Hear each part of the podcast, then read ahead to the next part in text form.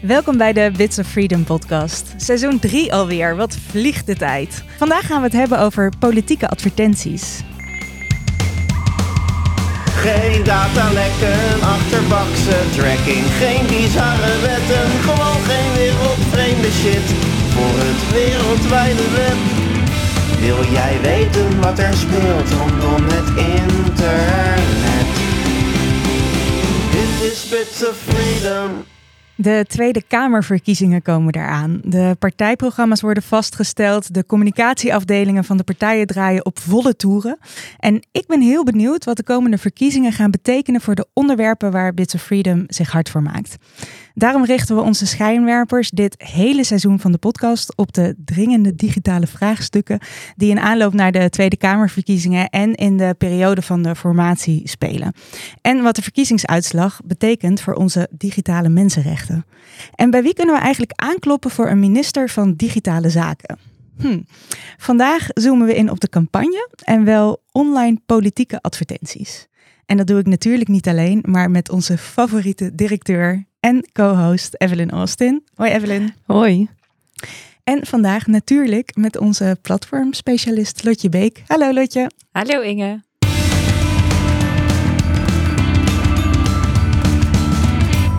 Maar eerst, en hier heb ik echt heel lang naar uitgekeken, want ik heb natuurlijk alles gemist wat er op het internet gespeeld heeft. Evelyn, praat me bij. Er heeft veel gespeeld. Um, ik ben de afgelopen twee weken, denk ik, helemaal in de ban van het fenomeen de break-up video. Um, dat is naar aanleiding van twee van Nederlands favoriete influencers, Gio en Jade Anna. Oh ja, die namen hoor ik wel vaker hier op kantoor. maar wat ik met je wilde delen toen ik hierover ging lezen en ook uh, door de jaren heen ging kijken naar mm. hoe heeft de break-up video zich nou eigenlijk ontwikkeld kwam ik echt op iets compleet bizars. Um, namelijk uh, de YouTuber Lala Sadi. Zegt die naam je iets? Nee, zeg me niks. Nou, um, het is een uh, jonge vrouw, volgens mij is het twintig of zo. Um, en ik kwam een, uh, een short van haar tegen, waarin um, die als titel had Going to Break Up with Noah. En ik dacht, oh hemel, uh, uploaden mensen nu ook uh, wanneer ze van plan zijn om het te gaan uitmaken met hun oh, verkering. Oh, pijnlijk. Um, dus ik kijken. Ik was niet de enige die had gekeken. Der 19 miljoen andere mensen hadden deze short ook gezien. Op 23 juli. Um, ze zit huilend voor de camera, zegt dat ze naar de vriendje toe gaat, dat ze heeft gehoord dat, dat het allemaal een leugen is en dat ze, als dat waar blijkt te zijn, het uit gaat maken. Uh, nou, dit allemaal in 30 seconden of zo. Een dag later uploadt ze nog een short. Got My Heart Broken, Made a Song. 10 miljoen kijkers. Uh, ik dacht, uh, oké. Okay. Um, dezelfde dag nog, nog een short. My First Song is out. 6 miljoen kijkers. Um, en twee dagen later, First Day at School After Breakup. 9 miljoen kijkers. Oh, wow. Nou ja, blijkt... Um, uh, of niet blijkt, uh, deze chick had dus um, is, is op dag 1 heeft ze het uitgemaakt met haar vriend. Op dag 2 heeft ze daar een liedje over ge, uh, gepubliceerd. Ik dacht, hmm, vraag me af in hoeverre dit allemaal echt is. Het klinkt als hele goede marketing. nou hè, het internet vraagt zich ook af in hoeverre dit allemaal echt is. Ja. Um, maar het, het bizarre is, dus twee dingen eigenlijk wilde ik met je delen. Um, het is overduidelijk nep. Maar toch staan de comments vooral helemaal vol met accounts die reageren alsof ze geloven wat ze zien. Dus dat het een echte break-up video ja. is en het succes, sterkte, dat soort dingen? Ja, en uh, oh, toen het uitging met mijn verkering moest ik huilen en zij maakte een liedje. Wauw, wat, wat een inspiratie. Dat soort opmerkingen. Huh. En het andere dat ik heel interessant vind, die de, de officiële um, uh, video van het liedje um, uh, heeft op YouTube 4 miljoen views. Maar haar shorts hebben dus echt veel meer kijkers dan dat. En toen dacht ik, ah, dus op YouTube is ook een hele omslag heeft plaatsgevonden van zeg maar de ouderwetse video's naar de shorts. Uh, dat was voor mij was dat een soort ontdekking. Dat wist ik eigenlijk niet. En wat vond je hier het, uh, zeg maar, dat YouTube is veranderd, dat mensen hun break-up op deze manier deden, dat het geen echte break-up was. Wat was je main takeaway?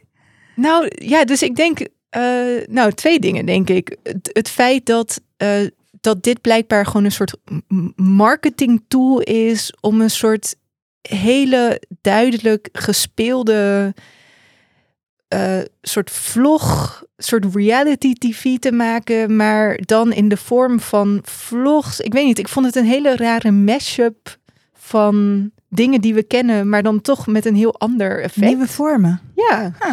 Um, en, en dus het feit dat het YouTube dat ik ken, uh, echt maar een soort van fractie is van uh, wat er is. En eigenlijk ook al compleet verouderd is hoe ik het gebruik. Super interessant. Ga je de video met me delen? Dan uh, zet ik hem ook even in de show notes. Dat ga ik doen. En uh, misschien is het een leuk bruggetje naar uh, politiek adverteren, waar we het zo meteen over gaan hebben met Lotje. Misschien zijn dit soort video's wel de toekomst voor de politiek. Ja, de verkiezingen komen eraan. Elk moment kan de campagne losbarsten. Niet alleen op straat of in de zendtijd voor politieke partijen maar ook op social media. En daar campagne voeren gaat net even wat anders. Bijvoorbeeld omdat je van tevoren kan bedenken met welke boodschap je welke doelgroep wil bedenken. Evelyn, als het geheugen van Bits of Freedom. In 2019 was er best wel een rel uh, rondom politieke advertenties op Facebook. Mhm. Wat was er toen ook alweer aan de hand? Toen had een public affairs medewerker van destijds nog Facebook in de Tweede Kamer beloofd aan Kamerleden dat het niet meer mogelijk was om vanuit het ene Europese land uh, mensen te targeten in een ander Europees land uh, in de context van de verkiezingen. En dat bleek onzin te zijn.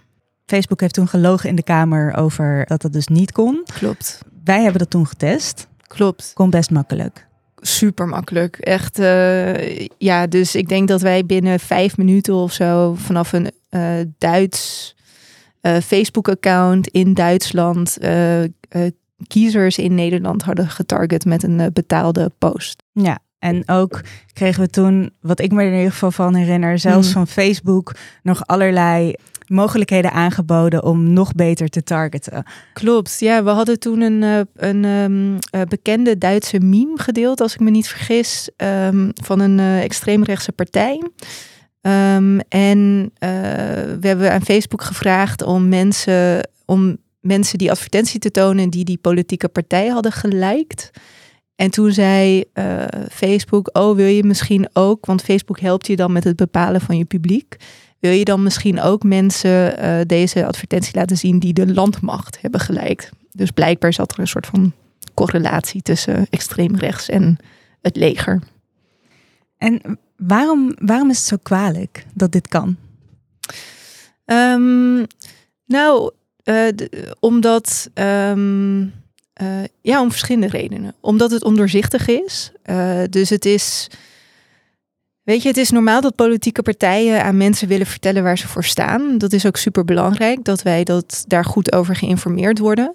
Maar het is wel belangrijk dat we um, uh, kunnen controleren of ze daarbij de waarheid vertellen. Dus we willen eigenlijk dat het publiek bekend is wat zij zeggen. En op het moment dat er een soort billboard naast de weg staat waarop staat, I don't know, D66 is uh, voor meer auto's dan kan, kunnen mensen zeggen, hé, hey, dat klopt niet. En dan kun je het daar met z'n allen over hebben. En op het moment dat dat allemaal zo shady op sociale media gebeurt, dan raak je een heel groot deel van die democratische controle kwijt. En daarnaast wil je eigenlijk gewoon niet dat mensen op zoiets um, kwetsbaars en gevoeligs als een politieke voorkeur um, getarget kunnen worden. Met wat voor boodschappen dan ook. Laat staan met politieke boodschappen um, in een periode voor iets wat zo belangrijk is als de verkiezingen. En dan dus dat eerste deel gaat er echt over dat nou, bijvoorbeeld de politieke partij ervoor zou kunnen kiezen van, nou, uh, Inge behoort tot een doelgroep die aangaat op, uh, weet ik veel, eenzame ouderen. Dus wij laten haar onze standpunten over eenzame ouderen zien. Uh, Evelyn gaat heel erg aan op ehm, meer militairen. We laten haar daar onze standpunten over zien. Ja, dat is een optie. Dus iedereen ziet een ander deeltje. dat, dat is nog uh, van, van de opties die beschikbaar zijn, nog misschien de uh, minder uh, schadelijke, hoewel ook al schadelijk. Een andere is dat je gewoon keihard kunt liegen. Je kunt de feiten verdraaien, je kunt informatie over andere politieke partijen eh, kun je verdraaien. Dit hebben we in de mm, eh, aanloop naar de Amerikaanse verkiezingen hebben we dit ook gezien. Daar is veel meer onderzoek naar gedaan. Daar heeft bijvoorbeeld de Republikeinen hebben eh, mensen waarvan het vermoeden was dat ze op eh, eh, Clinton zouden stemmen, Hillary Clinton, ehm, hebben ze ehm, advertenties getoond die ze ehm, eh, ervan weerhielden om een, überhaupt naar de stembus te gaan. Hm. Dus advertenties over hele lange wachtrijen. Eh, dat je allerlei rare shit nodig hebt om überhaupt te kunnen stemmen. Dus er is zoveel manipulatie mogelijk op een moment dat het eh, niet eh, transparant is. Ja, hey, en Lootje, de Tweede Kamerverkiezingen komen er nu echt wel snel aan. Eh, op het moment dat deze podcast online komt, is het nog maar 40 dagen tot de verkiezingen.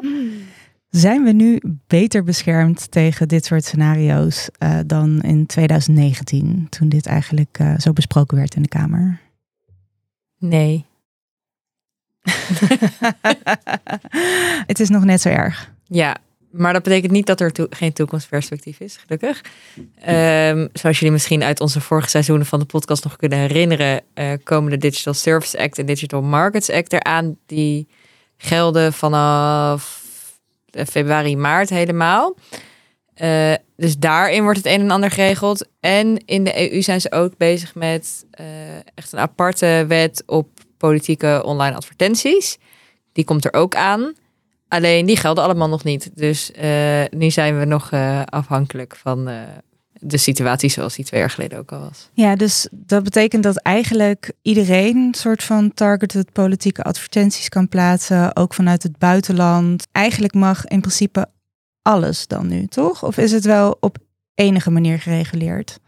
In theorie kan alles. De platformen hebben natuurlijk wel hun eigen beleid over wat wel en niet mag. Eh, ik heb zelf onlangs niet geprobeerd om een advertentie te plaatsen, dus ik weet niet van welk, welk platform welk beleid heeft. Maar eh, in theorie, ja, er zijn nog geen regels over die gelden op dit moment. En wordt er dan wel iets aan regulering gedaan, Ehm, bijvoorbeeld vanuit de partijen zelf?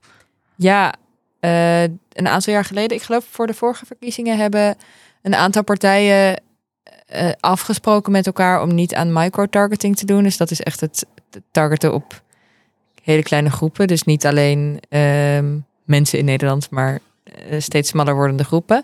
Dat is in principe een mooi voornemen. Hangen wel nadelen aan. Namelijk, niet elke partij heeft dit getekend. Een aantal partijen niet, die dus wel op een soort freaky manier dat doen.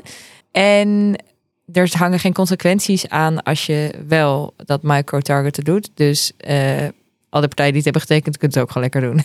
Ja, ik wil eigenlijk nog even wat dieper ingaan op het gevaar van dit politieke adverteren en het op deze manier targeten van eh, groepen door middel van advertenties eh, online. Kan je daar wat meer over vertellen? Politiek heeft natuurlijk van alles te maken met onze prachtige democratie die we in Nederland hebben. En democratie betekent dat eh, bepaalde mensen mogen stemmen. En dat bevat ook een soort aanname dat die stem een geïnformeerde keuze moet kunnen zijn. Dus dat die gebaseerd is op genoeg informatie. En eh, als je bijvoorbeeld de verkiezingsprogramma's van alle partijen leest en op basis daarvan bepaalt waar je op stemt, best een geïnformeerde keuze. Als je kijkt naar de advertenties op online platformen of überhaupt online, dan kan het best zijn dat die keuze wat minder geïnformeerd wordt. Zoals Evelyn net uitlegde, zie je soms een deel van de waarheid en soms is het niet eens de waarheid wat je te zien krijgt online. Waardoor dus eigenlijk je mening en je positie op politieke partijen en, en politieke programma's heel erg beïnvloed kan worden. En dat betekent eigenlijk dat iedereen die het kan betalen, onze stem voor zich kan winnen. En dat is denk ik niet helemaal wat een democratie bedoelt.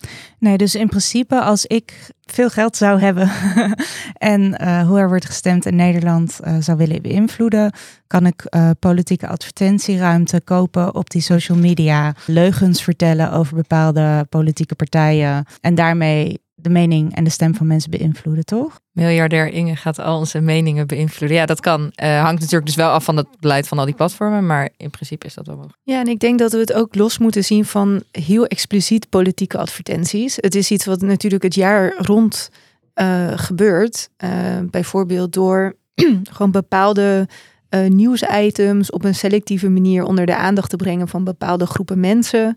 Waardoor er bij mensen het idee zou kunnen ontstaan van wow, dit is blijkbaar echt een heel groot thema in Nederland. Of hier gaat heel veel aandacht naar uit. Of is het, dit is een heel groot probleem. Dus je kan eigenlijk ehm, eh, nog voor het adverteren zelf, zit er al de mogelijkheid om het beeld dat mensen hebben over wat er in de samenleving eigenlijk speelt, om dat te manipuleren. En dat heeft natuurlijk ook invloed op waar mensen dan vervolgens op gaan stemmen. Als mensen het hebben over op tracking gebaseerde advertenties, denken ze dat dat geen probleem is. Want Facebook raadt mij schoenen aan van een merk dat ik heel leuk vind. En dat zou eigenlijk heel chill moeten zijn. Maar heel veel advertenties of gesponsorde posts gaan over hele maatschappelijke thema's. En dan is het denk ik dus gevaarlijk voor publieke debat, democratie, publieke waarden zou ik bijna durven zeggen. Ja, omdat je dus echt een vertekend beeld kan krijgen van wat er speelt Ja. in de maatschappij en wat op dit moment eh, belangrijk is en waar je je stem aan moet geven. Ja, en die democratie is natuurlijk niet alleen de maand voor de verkiezingen belangrijk, maar eh, als het goed is, eh, elke dag.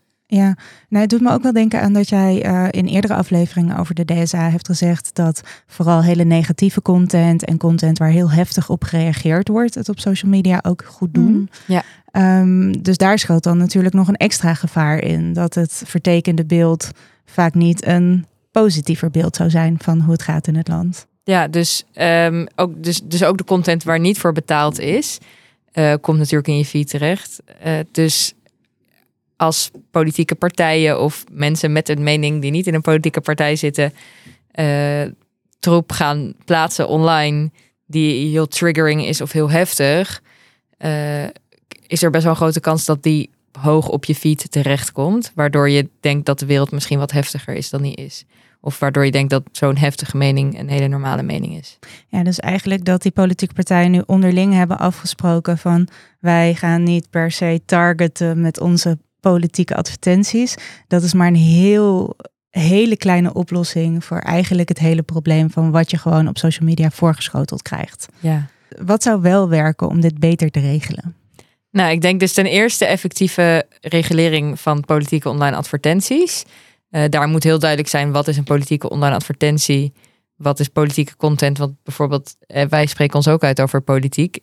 Is dat dan gesponsorde politieke content? Ehm, en eh, daar moeten gewoon duidelijke regels staan over wat wel en niet mag qua targeting. Maar daarnaast het hele aanbevelingsalgoritme wat heftige content aanraadt, moet ook op de schop. Want op die manier worden wij dus allemaal verkeerd geïnformeerd. Ja, en dat wordt straks dan wel een optie, toch? Onder de DSA, dat je een ander algoritme moet kunnen kiezen. Sterker nog, dat is al een optie. Heb je het Eh, al geprobeerd? Ja. Wil je dat ik eerlijk ben? Ja. Ehm, op Instagram zet ik hem wel eens aan. Die moet je elke keer opnieuw aanzetten als je hem opent. Op TikTok heb ik het even geprobeerd, maar toen vond ik het niet meer leuk. En toen heb ik hem weer teruggedaan op profilering. Toen werd ik ongelukkig, toen heb ik TikTok verwijderd. Eh, maar het kan, ja. Je kan nu op alle zoveel supergrote platformen een aanbevelingsalgoritme kiezen dat niet op profilering is gebaseerd. We kunnen wel in de show notes een linkje zetten naar een blog over hoe dat werkt. Ja, interessant. Ik vind het op Twitter vind ik het echt een hele grote verbetering. Dus daar, daar moet je hem ook elke keer weer aanzetten. Maar daar kun je kiezen tussen of for you, wat de gepersonaliseerde is, of following. Ja. En als ik hem op for you zet, krijg ik echt alleen maar ophef. Ja. Dan ben ik de hele dag aan het kijken naar mensen die fitties met elkaar hebben. En als ik hem op for you ze- zet, dan krijg ik gewoon een soort van, weet ik veel, eh, gewoon interessante artikelen van mensen waarvan ik denk dat ze iets boeiends doen. Ik denk dat dat ook een betere eh, aanpak is dan die bijvoorbeeld TikTok heeft gekozen. Dus TikTok eh, toont in die niet-profilering versie de populairste video's in jouw buurt. Eh, of, of, in, of in Amsterdam of in Nederland of zo. En dan krijg je dus alle dingen die het goed, doet op, goed doen op de profileringsversie van TikTok Ja, alsnog te zien. Ah, ja. Eh, Mm. Dus ja, ik denk dat de Twitter-versie dan wel eh, Mm. iets gezonder is. Ja, dus dit zijn allemaal kleine dingen die we een soort van zelf kunnen doen om onszelf te beschermen. Ja. Een ander algoritme aanzetten. Ik kan me ook voorstellen dat er vanuit politieke partijen dingen zijn die zij kunnen doen om te zorgen dat hun informatie beter bij iedereen terechtkomt. Heb je daar ideeën over? Dan is dit bij deze een oproep aan alle politieke partijen om geen gebruik te maken van op tracking gebaseerde advertenties, dus om niet te targeten. En op alle content die ze plaatsen, een link erbij te zetten naar hun eigen website met hun volledig verkiezingsprogramma. En waarom is dat belangrijk? Uh, omdat stel, ik begin Partij van de Lotje en ik heb een standpunt over stikstof, wat een beetje controversieel is. Dan uh, kan ik me voorstellen dat dat het op Twitter, in TikTok en zo best wel goed doet. Omdat het uh, wat emotie oproept. En ik heb een standpunt over dieren, wat iets minder controversieel is. Dat wordt dan niet gepusht. terwijl dat misschien wel voor mij een veel belangrijker standpunt is. Veel hoger in mijn programma staat. Dus als ik bij dat filmpje over stikstof een linkje plaats naar mijn partijprogramma, dan uh, kunnen mensen gelijk zien, oh, Partij van het Lotje, die vindt vooral dieren heel belangrijk en stikstof vindt ze misschien iets controversieels over, maar dat is niet haar uh, prioriteit. Dus het is dan een volledigere manier om mensen te informeren over waar ze eigenlijk op gaan stemmen. Waardoor ze dus een geïnformeerde keuze maken in het stemhokje straks. En als we dan toch bezig zijn met uh, oproepen aan de, aan de politiek. Stel, we krijgen straks een minister voor digitalisering. Wat zou die op dit onderwerp kunnen doen om het uh, allemaal beter te maken? Ik denk dat een minister voor digitale zaken zich in Brussel in kan zetten om wat radicalere wetgeving aan te nemen. Uh, we zijn natuurlijk blij met de DSA, met de DMA en nou, politieke advertentieregelingen moeten nog maar zien wat eruit komt. Maar volgens mij kunnen we altijd nog wel iets radicaler daarin zijn. En binnen Nederland kunnen we misschien een extra wet voor de Nederlandse verkiezingen aannemen. En daarnaast denk ik dat alles waar we sowieso voor oproepen, namelijk het fixen van het algoritme, tracking gebaseerde advertenties aan banden leggen, interoperabiliteit, pluriformer, communicatielandschap online, uh, dat een uh, digitale zakenminister zich daar zeker voor moet gaan inzetten. Oké, okay, nou dat zetten we in ieder geval op de agenda voor de minister. Ja, ik hoop dat je meeluistert, minister. Evelyn, heb jij daar nog wat aan toe te voegen? Ik vind het allemaal hele goede ideeën. Misschien zouden ze nog, uh, zouden deze minister zich ook kunnen inzetten voor het stimuleren van alternatieven. dus eigenlijk moeten we uiteindelijk wel van Facebook af. Uh, maar dan moeten we wel ergens anders naartoe kunnen om wel een soort gezond publiek gesprek te hebben. En die plek bestaat nu eigenlijk niet online, terwijl dat wel de plek is waar mensen het willen doen. Ja. En hoe zou de minister daarin kunnen dragen? Goede shit subsidiëren, slechte shit belasten, bijvoorbeeld. Vind ik een hele goeie. dat kunnen op nog veel meer punten. Uh... Werkt overal op. Ja. we nemen me mee uh, op de agenda. Dankjewel, Evelyn.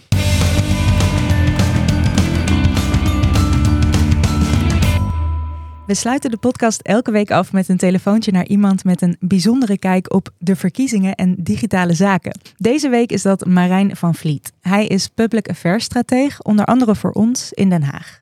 Hij kan me ongetwijfeld meer vertellen over hoe het er op dit moment voor staat rondom de verkiezingen. Ik ga hem bellen.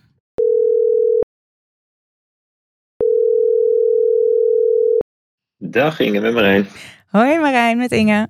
Ik heb jij net geïntroduceerd als public affairs strateeg, onder andere voor ons in Den Haag. Wat doe je eigenlijk voor werk uh, voor ons daar in Den Haag? Ja, um, in Den Haag wordt natuurlijk bepaald welke, um, welke wetten welke wet en regelgeving er geldt in, uh, in Nederland. Hier wordt uh, bepaald welke bevoegdheden inlichtingendiensten hebben, hoe we omgaan met big tech of hoeveel data de overheid, de overheid, mag verzamelen over ons. Mm -hmm. Dus als je burgerrechten wil verdedigen, dan uh, moet je goed weten wat er in Den Haag gebeurt. En dat hou ik, uh, probeer ik goed in de gaten te houden voor Bits of Freedom. En voor te zorgen dat uh, de kennis en expertise van Bits of Freedom ook bij de juiste mensen terechtkomt. Bij de juiste Kamerleden, ambtenaren, andere medewerkers. Ja, dus je houdt eigenlijk Den Haag voor ons gewoon heel goed in de gaten. En nu komen de verkiezingen eraan. Nou ja, er wordt dus ook heel veel gelobbyd rondom de verkiezingen. Hoe wordt dat gedaan? Hoe wordt er gelobbyd met betrekking tot digitale zaken daar in Den Haag? Ja, verkiezingen zijn natuurlijk altijd weer een, uh, weer een bijzonder moment. Het is altijd een soort, soort reset. Alles is weer, weer mogelijk. Uh, partijen gaan, gaan weer nieuwe verkiezingsprogramma's schrijven. Waarin ze opschrijven wat ze, wat ze willen veranderen in Nederland. Mm. Um, en daarvoor halen ze input op uit de, uit de samenleving. Dat doen ze bij leden van de partij of bij gewone burgers, bij bedrijven, maar dus ook bij maatschappelijke organisaties. Mm-hmm. Um, en dus proberen we ervoor te zorgen dat, um, uh, dat die verkiezingsprogrammacommissies, die de verkiezingsprogramma's schrijven, ook de input van Bits of Freedom uh, meenemen over uh, digitale zaken.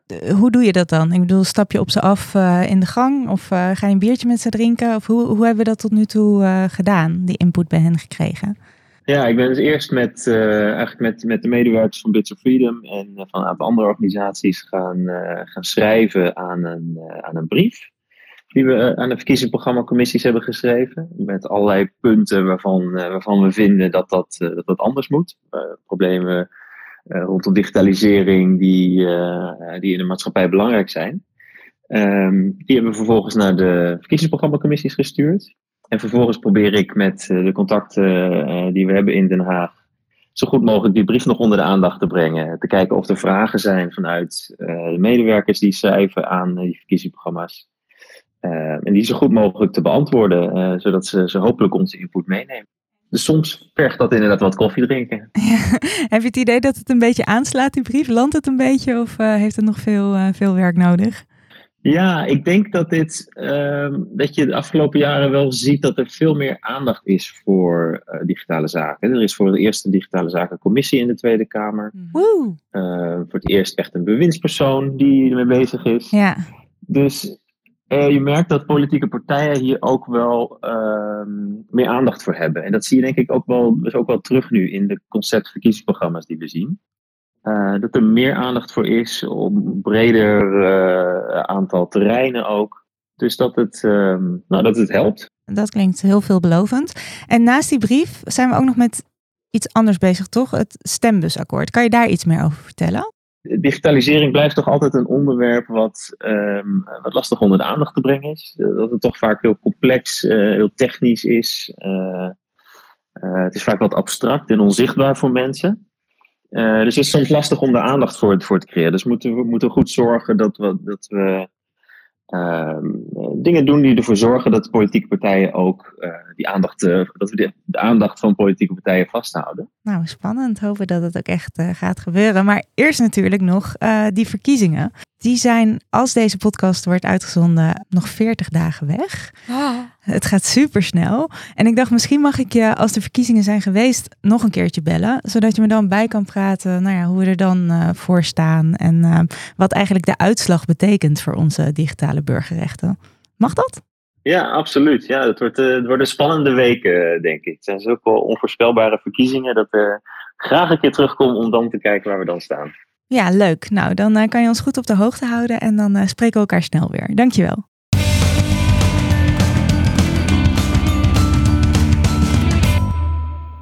Deze podcast werd gemaakt door Bits of Freedom.